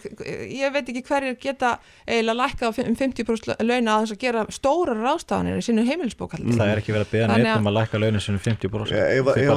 launa sinu 50% David, ef, ef, ef, ef við göngum út frá því að setja semja við fluglega störfsmenn hjá VÁ 30% niður frá Íslandir og hinna 30% niður frá, frá VÁ og það sé alltaf í lægi, þá erum við komin að sér nálat í að, að fara að lækka Já, um, það, um, það er nefnilega, ég er ekki að segja það sé í lægi segja það sé í lægi Nei, er, við erum bara hérna að benda á það hvað það er óeðlilegt. Sama stjættafélagið mm -hmm. gerir um sama starfið kjærasanning sem er sko það sem eru 30% munur á laununum. Mm -hmm einmitt, við, við höfum að reyna að segja það þarf að, sko, það þarf að vera jafnvægi í þessu, það þarf að vera eh, stjættafélagin með ekki bú, búa til eitthvað ójafni ójafvægi í samkeppninni. En hvort ættu þau þá að halda í æslandir tekstan eða hinn? Já sko, það er vá, það er, er ekki til lengur, sá kæra sanningur er bara ekki já, til lengur. Nei, en, en hann var til. Hann var til, já, já. Það, ég meina, ég, það hefði allan verið eðlilegt að hafa bara eitt kæra sanning kannski fyrir allar stjættirnar sko, eða fyrir, fyrir stjættina og því hvað fólk vinnur eða allavega sambarileg, sambarileg laun. En það er auglúst að það var ekki hægt að haldi hann eins og hann var hjá Æslandir og hann er þá orðið að vera hérna að fara í hináttina eða er ekki skiljið það rátt? Það, það er því fyrir fjari að það sé verið að lækka launin um 10% það er mm. fyrst og fremst verið að reyna að bú óska eftir ákveðni hagraðingu þannig að það sé þá kannski óska eftir meira mm. vinnuframlægi fyrir mm. sambarileg lögn. En finnst þér ekki að því, hérna, bara svona rétt í lókinn það er stíin ákveðin skref með þessu, það er stíin ákveðin skref þarna í svona uh, frá þessu vinnumarkasmódeli með því að reyna að semja við, við aðra maður gangi störfs meðan að fólk er í byrju meðan fólk er í samlingavirðaðum og líka með þessi tilvísun í sömu störf á miklu hérna læri launum Viðræðunar sko. voru algjörlega runn, runnar út í sandin ja, stað, og það er ekki verið að stíga en skref, þetta voru bara þetta eru fórdamalösar mm. aðstæður mm. þetta, þetta er eitt af mikilvægastu fyrirtækjum landsins, það eru mörg þúsund störf bæði þar og afleitt störf mm. sem að reyða sig á þetta fyrirtæki þannig að auðvitað reyna menn að gera hvað þeir geta mm -hmm. innan allra eðlilegra, lögfræðilega og siðfræðilega marka til þess að tryggja það að það sé sjálfbært til framtíðar og það, það er ekki verið að senda neitt merki mm -hmm. um eittni neitt, það var bara verið að reyna að leysa þetta vandamál þarna gagvart sko stjættafélagi sem mm. var búið að vera margra mánada viðræðum við, já. það tókst eftir mjög stuttantöf, eftir nokkra vikur að semja við flugminn og flugverkja eftir marga mánuði og tókst ekki að semja við fluglið og það var mjög leitt að það hefði gerðan mátt takast fyrr. Já, en Guðrún er það ekki bara hérna, ég minna, menn þurfa að gera allt sem þeim geta til þess að bjarga bjarga verðmættum vantarlega félagstöð fyrst og hennst í því að félagi starfi áfram. Já, en menn ekki verða að gera það með þau huga að hvaða, hvaða, hérna, hvaða fjárfæstir þetta laða að. Mm. Sko, ég menna, ef, ef það að er... Þú ert að segja okkur að lífisjóðnir hefði bara kúplað sér út úr þessu, að þínum að því. Sko, þið verður bara að hafa það í huga hvaða mm. rammi er utanum eh, fjárfæstingar ákvörðin hjá lífisjóðnum. Það mm. eru bara með ákvörðum hætti. Og, og hérna ef að menn ætla sér að, að, að bera výjurnar í þá mm. þá verður auðvitað að hafa þessi ESG eða UFS eh, sjónamið að leðalósi mm. í sinni stjórnun sína fyrirtækja mm. og, og hérna það er rosalega erfitt að segja til um það hvernig þessi rekstur fer hvernig, hérna, hvernig menn leysa úr þessu hvað viðskita líkan þetta tiltakna fyrirtæki mun taka upp til þess að fara í gegnum COVID eh, hva, þetta er bara, það er svo mörg e, ef og margar, mm. margar spurningar þannig að, mm. þannig að eh, menn verða að líta til þess aftur segi ég, fjárfestar eru ólíkir, sumir eru áhættusæknir, mm. sumir eru ekki áhættusæknir og það vil svo til með lífur í sjóðuna að þeir verða að horfa til þess að þeir eru búin að gefa það út mm. Ljómandi, ég held að þú komst ekki lengri í byli allavega, þetta var hérna áhugavert skemmtilegt að fá ykkur, takk ykkur báðum Gunnar Jónsson og Davíð Þorlagsson og hérna, takk Takk. Og hann verður hérna hjá mér núna eftir augnablika Þorsten Simonsson, alþingismæður Já, sælir aftur hlustundur uh, þau eru auðvitað farin frá mér Guðrún Jónsson og Davíð Þorlagsson eftir mjög fróðlega skoðanaskipti um eitt og annað sem varða í lífeyrismarkaðin og, og reynda vinnumarkaðin í heilsinni uh, stjættafélag og stöðu þeirra. Uh, en ég ætla að venda að mínu hvaði krossaldir hér er sestur Þorstein Simonsson, alþingismæður sem hefur um nokkura ára skeið með að miklu þraut segjur reynda að grafast fyrir um það. Hvað varðum Það er fjögur þúsund íbúður eða um það bil sem að íbúðalána sjóður eignaðist eftir hrun og, og, og seldi síðan aftur en, en Þorstein hefur þótt svona margt tortreikilegt í því ferli öllu. Verður velkominn til minn Þorstein. Takk að þið fyrir kjalla. Sko eins og ég hérna var að nefna á það þá ætlum vera að þetta, ef að kalla þetta íbúðalána sjóðsmál sem að þú hefur nú verið að hérna, hefur verið að þerkast í undanfæring hvað þrjú, fjögur ári raun og veru um, mm -hmm. búin að leggja fram sjöfyrirspurnar á þingi til þess að fá upplýst Uh, hver, hvað varðum þær íbúður sem íbúðalánarsóður egnaðist uh, hérna, eftir hrun í raun og veru þetta, þetta eru fjögur þúsund íbúður sem mhm. kom inn í sjóðin sem fólk tapaði og hérna fór raunni útrónum aftur mm -hmm. og segði mér svona bara undan og ofan að þess aðeins sem við förum kannski alveg í alla söguna en, en af hverju ertu að sko, ertu að leita eftir svörum við þessu saman?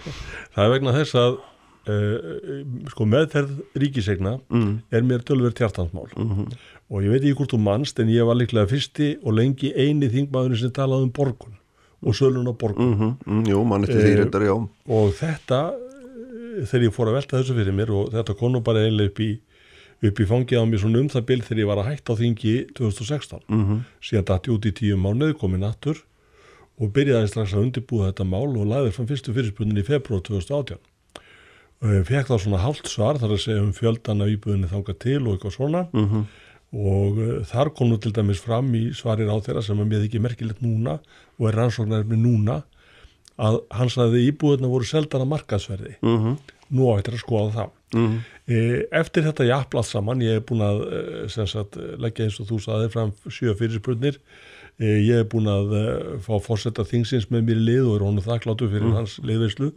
yfirlögfræðingur alþingis kom fram með hérna lögfræðálit sem sagði E, persónuvendalög gilda ekki um alþengi mm -hmm. hengdur sér þar í Já, já, vildi ekki veita uppsingar um köfnum þeirra grundvöldi en, en persónuvendalög gilda ekki um alþengi mm -hmm. alþengi getur krafist hvaða upplýsingar sem er. Mm -hmm. e, þetta sem sagt e, endaði með því að ég fekk þessar upplýsingar sem ég baðum og þær eru, ég hafði nú bara með mér útpent svona fyrir þig og, já, og þær eru nokkuð miklar af vöxtum. Já, ég hef búin að skoða þetta, þetta er heilmikið hérna Balkur. og skiptist í sem sagt eh, hvað einstaklingar keiftu mm, mm. og hvað lögaðilar keiftu mm -hmm.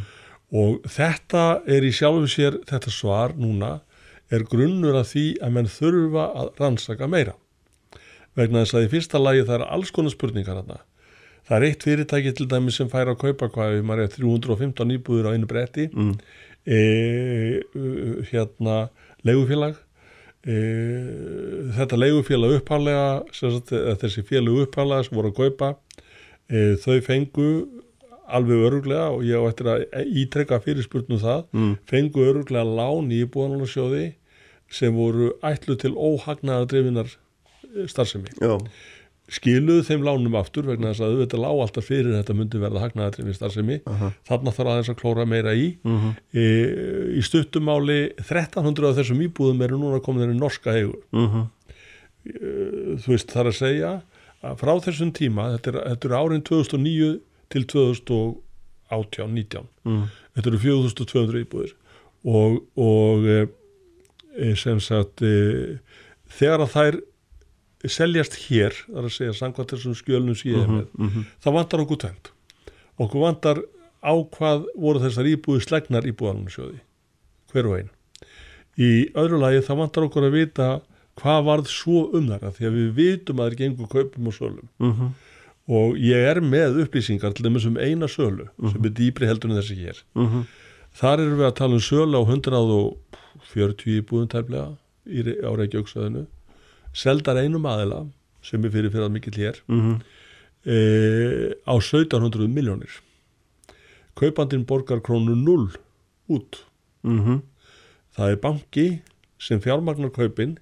Þetta er sverast að tryggingabrið sem ég séð, þetta er 38 blansir þannig að þú hefur séð það og auðfarið og, og, og, og hérna e, þar í var til dæmis íbúð. E, hvar einstaklingur fór í mál við bónarsjóð uh -huh af því hann taldi brotið á, á, á fórkupsrétti og svo framvegs og svo framvegs e, í stuttumáli hann vann, e, þessi einstaklingur vann sem sagt e, íbúðunarsjóð fyrir öllum dónstegum uh -huh.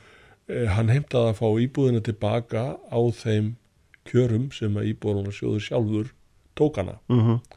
það var halvirði uh mhm. -huh. í þessu tilfelli mhm. halvirði þannig að sko þarna eru, þarna eru sagt, sko, atriði sem þarf að rannsaka nánar og, og, og eins og ég segi ég veit það að menn hafa stunda það að setja kaupaðistar íbúður á þessu verði sem er hérna í, í þessum plöggum mm -hmm. e, fengið til þess hægsta lán selt út eina tvær íbúður og geta þá gert upp alveg haug og helling mm -hmm. af því að sölu hagnaði verður til mm -hmm. og það verður til líka þegar að þegar íbúið að ganga eins og ég segi kaupum og sölum eins og þeir hafa gert mm -hmm. e, eitt af þessum fyrirtækjum stóru sem fór í þetta þar að segja legufélögum e, er núna komið í eigu gamma sem er í eigu kvíkubanka ef ég veitir rétt já, já. þannig að sko það eru svo margir þræðir í þessu mm -hmm. að, að þarna verður að velta við steinum mm -hmm. og ég er búin að skora á fólk sem var það sem ég kalla fornalömp í bónarsjóðs að stíga fram og hafa samband við mig. Mm -hmm. sem betur fyrir að hafa mjög margi gert það og ég hvert fólk enn til að gera það. Vegna þess að ég er í, í sambandi við bladamann sem ég tristi sem að vil gert hann segja sögur þessar fólks. Mm -hmm. og þessar sögur eru alla ljótar. Og það er alveg með eindæmum hvernig hefur verið komið fram með þetta fólk fólk sem, kefti íbúðin með láni frá íbúðalánsjóði, gæti ekki greitt að þeim, Já. tapaði þeim, íbúðalánsjóður eignast þær Já. og selur síðan undan þeim, Já. getur við sagt. Er það ekki rétt að lýsingin að þessu? Jú, nokkur neginn, jú. Og fólk fraklaðist úr íbúðin, það var aðvísu, var það ekki ákvaðum að fólk mætti leiði áfram og... Jú, sumir fengur það. Og, og ég vil kaupa í einhverju tilvíkum. Nei, það eru dæmi sem ég hef ekki heyrt um ennþá. Nei, ok, það stendur mjög stöður í skjölunum. Kann að vera, kann að vera það við -hmm. en. Nei. Málega er eins og það að mjög margir fóru eins og þú segir í leigu hjá íbúðunarsjóði í tímanar ás var svo íbúðin seld öðru leigufélagi uh mhm. -huh. ég man eftir einu manni sem saði mér að hann var í leigu hjá líklega fjórum leigufélagum þannig kemur aftur af því sem ég segi uh mhm. -huh. íbúðina voru alltaf að skipta eigundur uh. og, og hérna það endaði með því sem sagt að hann eh, hann sem sagt eh, það hækkaði leigar alltaf í hvert skipti sem að, sem að sko íbúðunarsjóði let þetta lengra frá sér mm -hmm. þeir áttu þannig að leigufélagsið klettur í þann mhm. tíma mm -hmm. seldu það já, já. og þá fóru náttúrulega leigan upp úr öllu, öllu valdi mm -hmm.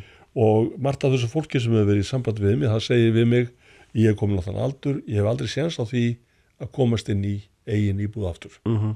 og, og hérna sko, mér náttúrulega rennur þetta til rifja eins og ég segi, ég er orðin gammal og, og, og hérna og þykk skinna en þessar, þessar sögur ganga nærri manni, ég get mhm. alveg sagt til það mm -hmm. og þess vegna vil ég halda áfram að berjast fyrir þetta fólk mm -hmm. þannig að þetta fólk fái rödd og að það fái að njóta einhvers réttlætis mm -hmm.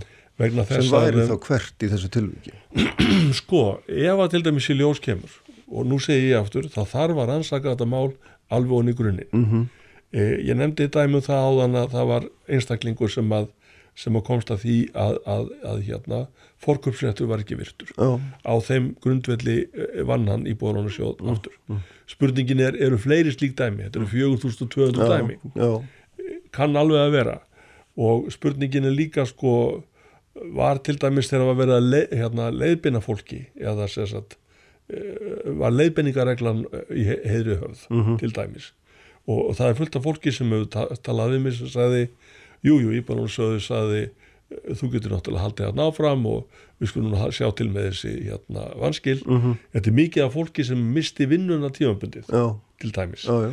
og, og ég er ekki með eitt dæmi til dæmis, bara svo ég segi þér ég er ekki með eitt dæmi sem ég hef búin að fá inn, á, inn, inn til mín sem bendir til þess að þarna hafi verið um einhverja órásvíðaræða af hálfu sko, þeirra sem lendi í þessu. Óreglu, neitt slíkt. Þetta er bara venjulegt fólk heiðalegt fólk sem að kannski misti vinnu, breytust hjá því forsendur, það er gengið á lægið og það er hýrt að þeim íbúðin. Já, en nú er þetta þannig og þú nefnir að, að hérna í bólansúður hann, hann, hann selur þetta út á marka og sumt selur hann til einstaklinga en annað í gegnum þessi leigufjölu og við erum kannski fyrst og fremst að tala um þær íbúður ekki satt. Já, bæði og vegna þess að sko við heyrum sögur af því að einstaklingar hafi keift alveg blokk og bunga af íbúðum. Já, og, og, og það hafi verið ímest nöfn nefnd í því sambandi sem ég ætla ekki að leggja dóm á ég hins vegar er næsta vissum það þegar það er að rannsaka sölukjöðina íbúðalónu sjóður selur A sem selur B sem selur C sem selur einhverju vildavinnir á þeirrans til dæmis. Já þetta, er, þetta gæti verið sko. Já, þetta gæti verið það rétt en, en gæti líka ekki verið. Hérna, en að það sem ég er að hugsa mér það að á einhverjum tímapunkti þá ertu komin út úr hérna, yfiráðarétti íbúðalans og þá er íbúðin bara komin á frjálsan marka og hvort að C selur D og D selur E og svo áfram er ekkit er bara eðlilegt, er það ekki? Skýrðu það eins og mér að því að maður skilur það að þú ert með aðdúasemdur við að íbúðalansöður hafi með einhverjum hætti að ráðstafa ríkisegnum með einhverjum, einhverjum hérna, aðferðum sem þið finnst vera greinlega tortryggilegar, er það ekki rétt að segja það? Já, segja það. en, en, fram, en framhaldið hvernig, þar eru bara menn á markaði að, að hérna, vela sín á milli ekki satt spurningin er, er þetta samhangandi keðja já, það er spurning sem Ok, ég vil bara já. fá, fá sagt, svarað -hmm. og e, það er líka ímyndst annað í þessu sem að e, sko orkar tvímælis vegna þess að menn sem að tóku þátt í í svona störfum við þetta á sínum tíma mm. hafa sagt mér að, að, að þarna hafi verið hlutir sem voru ekki ekki eðlilegir eins og maður segir. mm -hmm. þarna hafi ekki verið haldnir eðlilegi viðskiptaættir mm en nú er þetta þannig í þessar, þessar greinagerð íbúðalansjóð sem ég veit að þú hefur nú lesið örgla betur en ég en samt sem aður að, að það les maður sér í gegnum hvernig söluferli var. Og þar er þetta allt sem hann listað upp á punkt og prigg, hvernig þetta var allt opið og það voru haldni kynningafundir og fengnir fastegnarsala til að meta og, og að, að því að virðist í orðan hljóðan farið nákvæmlega eftir því sem að, maður getur sagt bara besta, besta, bestu mögulega leiðir en þú, þú ertur einhverju að segja mér að þú, þú tortur ekki þetta ferli allt saman eða hvað þegar gengur inn aðili mm. og kaupir 140 íbúðir tæplega á, á höfuborgarsæðinu mm. fyrir 1,7 miljardar mm. og borgar ekkit út -hmm. það finnst mér tóltryggilegt Já, og, og ég segi þess vegna jú það er verið að selja ríkisegnir ég, ég þóra að veðja að í því tilfelli þá seldi kaupandinn mm. nokkrar íbúðir eftir gaman tíma til að borga niður sitt lán vegna þess að söluhagnaðurinn hefur verið umtalsverður -hmm. Þannig ég vil segja það að mönnum var gert kleift þarna að eignast íbúðir á, gegn mjög, mjög vægugjaldi mm. sem að þeir síðan sem var alveg, alveg gefið mm. að, að yrði, yrði sagt, þeim að fjöð þúfu mm. og þá segi ég aftur í fyrsta svarir á þeirrans sagði íbúðurna voru seldan að markasverði já, spurningin er það er, það er náttúrulega aldrei jobb Mm. en að fara í gegnum þennan lista og, og, og gaumgefa það Mm. hvort að það sé rétt eður ei það er til dæmis eitt mm.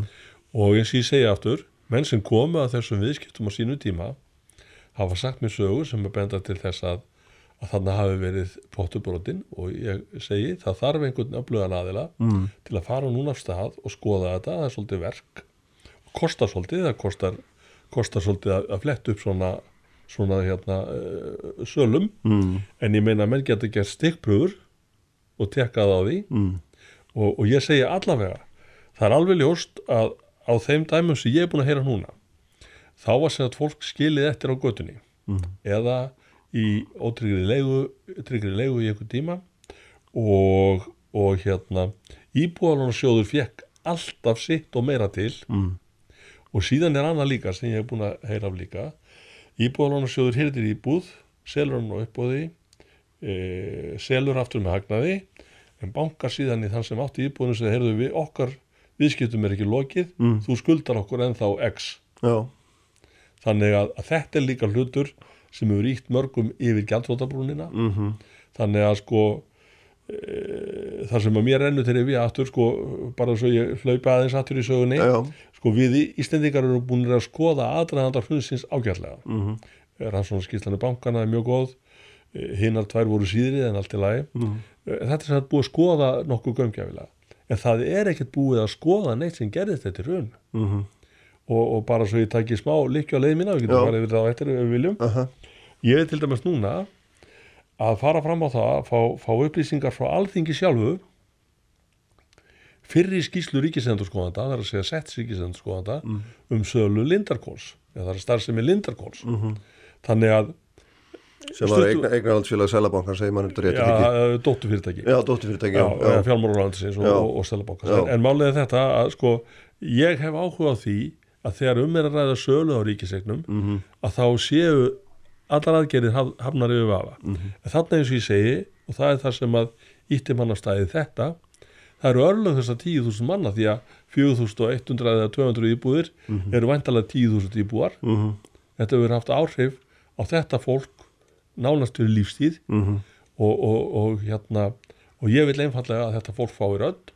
Og ef að þarna er einhver potturbrotin þá vil ég að þetta fólk njóti, njóti einhvers réttlætis mhm. En þetta er gríðarlega umhúsmikið og þú segir þurfa að rannsaka og svona velti fyrir sér hver, hver á að gera það og hvernig Já, ég skrifaði grein núna fyrir tæpri viku síðan Mhm. þar sem ég reyndi að særa fram rannsóknarblaðan Já, ég las hana, ég veit að tíu þúsund íbúar og öllum er sama Já. já, já. Ég- en, ég- en þeir geta auðvitað gert sitt en, en, en þetta er miklu viðamæri en svo, náttúrulega Já, þetta það þarf öflugan aðila til Mm. og, og ég er hins vegar alveg viss um það og, og, og, eins og ég segir sko það er ekki að færi til þess eins þingmanns eða eins þingflokks að, að gera þetta, Mm. kannski endilega.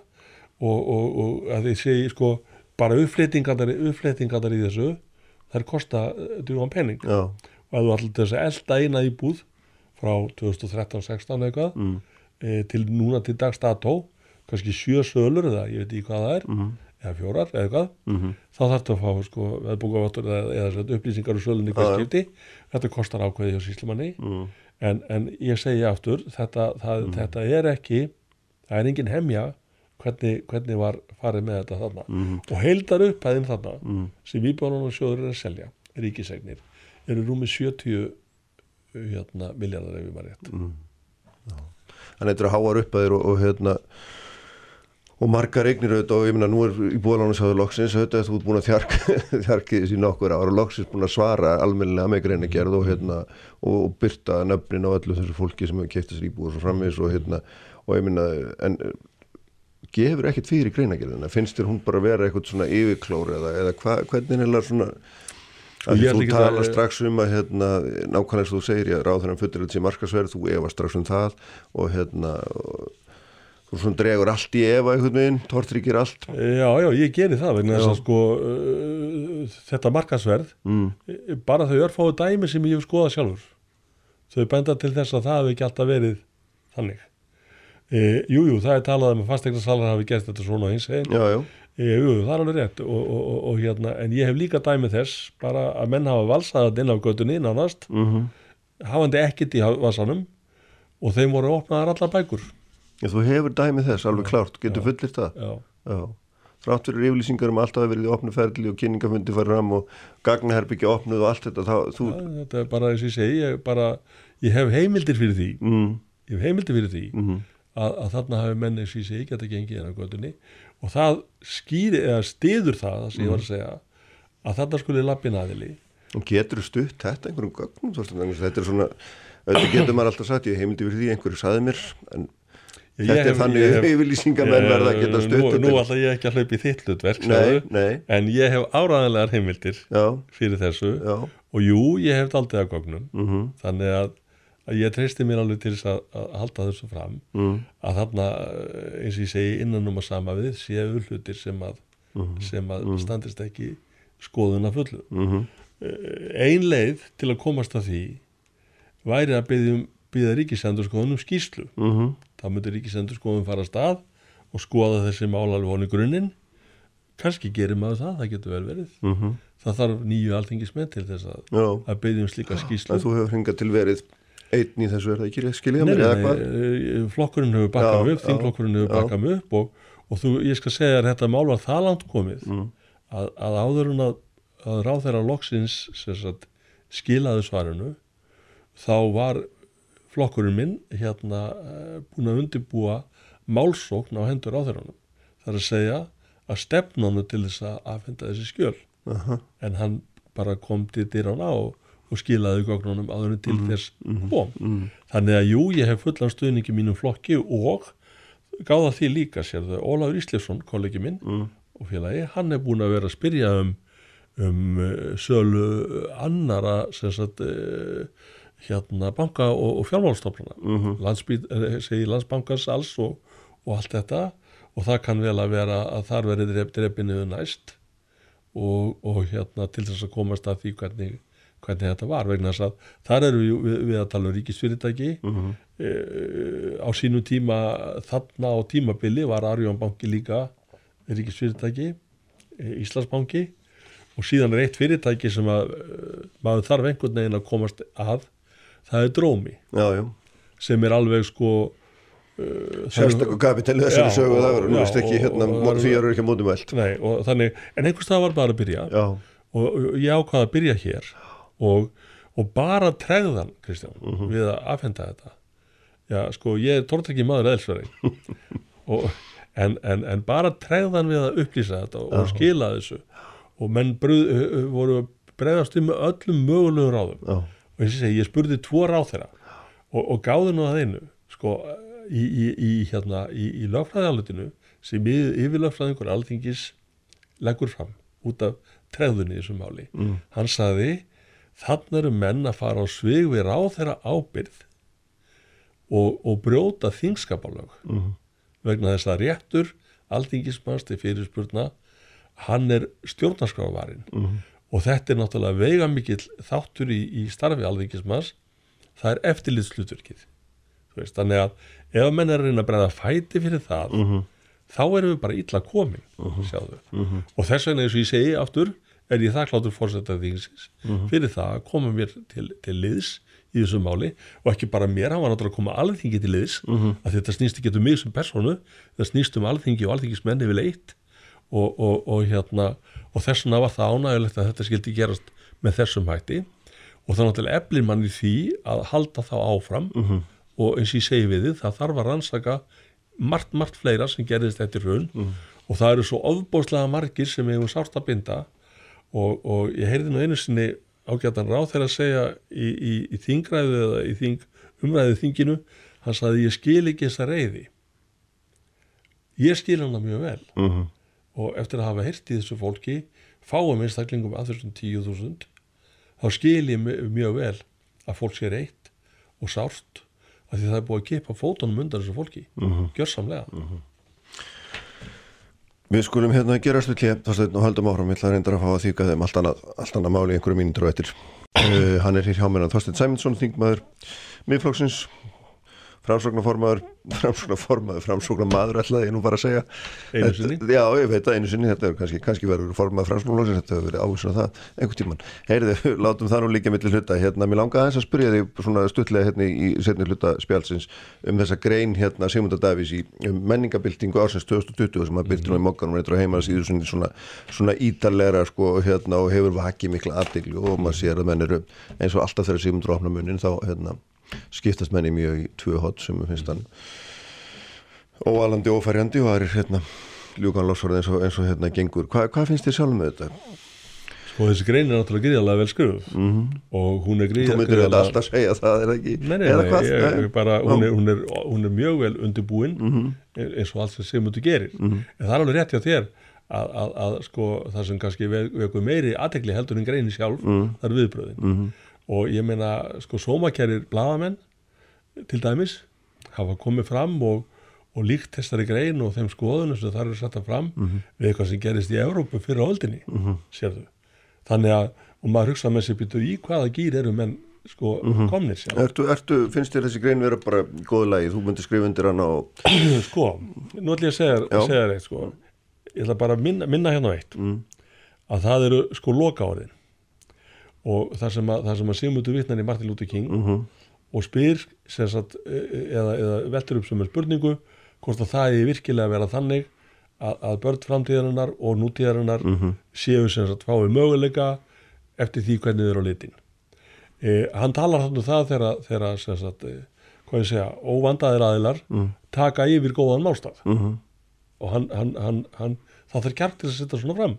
Sigmundur hefur þennan kjark. En það er líka sko, ef þú horfir á bakgrunnin á, á þessu sem hann er að fjallum Mhm. það er að segja sagt e, þetta óhæfu verk sem er unnið þarna af lauruglunni í Minneapolis Mhm. e, á, á, á þeldökkum manni því miður ekki án hliðstæðu Nei, þess að þetta hefur gerst áður margsinnis Já, já. en þetta var kannski kortið sem fyllt í mælin en það er hins vegar annað líka sem ég held að geti verið sem sagt e, þáttur í því hvað þetta verður öflugt núna. E, það er ekki síst veiran. Vegna þess að fórnalömb veirunar í Ameríku eru að uppistöðu til uh -huh. þór ég að fullir það það er sem að þöldað fólk það er fólk á rómunskum ættum og það er, það er fólk sem sagt sem að enginn talar um. Það er Navajo þjóðin Mhm. sem hefur farið alveg ótrúlega illa út úr þessum þessum hérna þessu, Frum- þessari frumbyggjar veiru. Og, og það, sem að, það sem ég er að segja með þessu og það sem Sigmundur er að segja fram Mhm. segja líka að mínu mati þessu öll líf skipta máli Mhm. e, svört líf að sjálfsögðu Já, já en, en öll En líf ekki, skipta mér máli finnst það svona sko, það er einhver hann svona ég ætla að segja ekki að gera lítið úr en, mér finnst það lýsa svona hvað maður að segja svona eh, vannmati á þessu sko inngróna misrétti sem er í bandringunum hérna, milli kynþóttana með því að setja þetta fram með þessum hætti eins og hann gerir. Já, þannig er hann náttúrulega bara að fjalla um afmarka mál, hann er að fjalla um þessar reyfingu Mm. sem hafði komin að stað. Og ég segir hinnlega að, neyð annars verður, verður Mm, sagt, stökkpallur annars eða hins sem er mjög slæmt. Og það er kannski það sem að, og, og það stendur upp úr að mínum mati að hann sé að vekja aðtikla á. En, en, en síðan er það sko og, og, og, hérna og ég segi aftur ég, ég veit ekki um nokkuð einasta mann á Íslandi Mm. hann verður þó að gefa sér fram. Se- hvort sem hann er málspjötandi hérna, bláðamáður eða stjórnmálaskýrandi eða hvað sem er sem tekur ekki undir þessi loka ár semundar sem er, er líkillin að því sem hann er að tala um. Já, já, en, en með því að fara þessa leið blanda allskinn svona dellu fréttum inn í svona, hérna, sko réttmæta kröfum umbætur, þá vatnast þetta allt saman út mér finnst það svona, hérna, ertu sjálfur sér alveg sáttur við þá framsetningu eins og þannig gerður að tínum einhverju slúður fréttir og svona og blanda þessu öllu saman inn í uh, hálfkvenna vísur um að hinir og þessu séu ekki nógu, hérna, sé ekki nógu góð reyfing og svona, þannig að við erum að tala um sko inngrói misrétti í ástæða sem að, að því þú nefndir um Martin Luther King, þá er nú áhugavert að hann, þegar hann fór til Indlands á sínum tíma, þá var hann, hérna, þá var hann á fundi með þessu, hérna, með dalítum, hennum ósnertanlegu, eða, hvað hann kallaði hennum útskúðu og þar, hérna, ávarpaði fórstumæður þeirra, hann sem fulltrúa hinna útskúðu í bandaríkunum og hérna Martin Luther King segir frá því sjálfur að hann hafi orðið mjög hugsi yfir sem að áttaði sig á því. Auðvitað var þetta rétt. Þeir voru útskúðar alveg með sama hætti. Og það er það sem ég er að vísa til þegar ég er að tala um inngróð og, og hérna svona veist, að þetta er svo djúft, þetta er svo alvarlegt að mér finnst það svona spurningamerki hvernig menn setja þetta fram. Já, já, ég meina, mm. menn geta menn, sko ég hugsa að menn verið sent allir sko sammála sem þetta á það Ég er- að það sé alveg klárt. Og, og, og hérna og hann náttúrulega setur fram hluti og hefur oft gert á mjög skarpan hátt annan hátt heldur en aðrir af því að hann, horfir öðruvís á hluti heldur en aðri stundum. Ég er eins og að því þú segir slúðurfrettir mm. Eh, hann minnist á í greininni breska bladamenn sem hafi farið til þess að, að setja sig inn í þessi mál mm. eh, og ég segi aftur sko semundur er mjög vel að sér í alþjóðamálum og, og ég held að menn þetta kannski lesa greinina eh, til enda, lesa hana mm. kannski til þess að til þess að fara hún í það nákvæmlega hvað hann er að, að velta fyrir sér í þessu mm -hmm. en ef að menn halda það að, að, að hérna, þetta sé eitthvað afturkvarf til sko Evrópu eh, millistíðsarana mm og það sé einhverja skoðanir í greininni eða á hálfu flokksins sem að, sem að styðji við eitthvað slíkt mm þá eru menn bara á villigötum algjörlega. Og ég segja aftur sko það sem við verðum að segja kannski líka er það öll lífskipta máli og þess vegna segi ég það eru mm. þarna atriði eins og fyrir vestan núna. Og mér hefur unnið til dæmis að því ég myndist á Navajo þjóðina mm. þetta er þjóð sem er jafn fjölminn á Íslandingar það eru líklega 8500 mann sem hafa síkst þar og mér minnir að 500 séu fallinir í valdin mm. þetta, er, þetta er mjög hátljóð tvall og það segir sér líka sjálft eins og ég segi, ég held að þetta sé kannski gæti verið undir rót en spurningin er bara sko uh, og nú eru margir búin að stíga fram úr minnurhundahópunum fyrir mm. vestan og, og byggja mennum að, að fara friðsamlega fram mm. en, en þarna er einhver hópur sem eru ekki áhuga á því að fara friðsamlega fram hann fær aðteklina og e, er, að, er að heia sér fjármuna til þess að halda áfram með þessari baróttu mm. og þá segi ég aftur e, neyð eins verður þá stökkpallur annars til, til áhrif á svo framvegs og það er hættur á móti ástand sem að mjög sem myndu benda ágjörlega á. Mm -hmm. Þannig að það er ekki hægt að lesa neitt meira út úr þessari grein um varandi ykkar stefni svo nefnir sérstaklega í, hérna, í þessum, þessum kynþáttamáli með slíku það er ekki hægt að lesa að þínum að þetta er neitt slíkt út úr þessum. Að mínum að þetta ekki en ég Nei. meina ég er alltaf bara að segja aftur mm. e, þann dag sem að miðflokkurinn setur eitthvað fram og enginn stendur upp og segir þetta er eitthvað bjagað og það er eitthvað aðtugavert við mm. þetta og þeir eru bara einangrunum sinnar eða eitthvað, skiluru, mm -hmm. þessi límiðar sem eru settir á okkur Já. Já, ég held að sá dagur komi bara ekkert en það er út af því líka að flokkurinn er einarður mm. og hann er stefnumfastur og hann þorir að koma fram með hluti sem aðri ger ekki eins og hefur marg sínt og, og hérna e, bara nefnaður eitt dæmi bara mm. handalöpum Já, við skulum fara að ljúka en já, já. Hérna, ef að hefði nú verið farið að okkar tilögum um, um bankakerfið sem við settum fram fyrir síðustu kostingar mm þá væri ríkisjóður aldrei ríkari núna eldur hún að dæmis. Lífðum við hér allir blóm, eins og blómi ekki. Já ég meina sko það er nú fyrir verk simundar sem eru til peningar í kastanum núna til þess að takast á við veiruna núna. Já, nú skulum, við, nú skulum við ekki fara hérna að þessum þá sögur skoðun það verður alltaf landmál að takk fyrir að koma og hérna verður áhugavert að svo hverjum aftur uppröðinlega efninu að hérna, fylgjast með framhaldi þessar rannsóknarinn á hérna, afdrjum á sölu eigna í bóðalánarsós Takk fyrir að koma. fyrir Takk. Takk. Og þessum nótum látum við sprengisendunum lokið í dag annan ágúst. Ívar Jón Haldarsson stýrði þetta útsendingu af venju. Uh, allt efni á vísir.is og bilgjam.is sjálfur verði svo með ykkur hér aftur eftir viku. Verðið sæl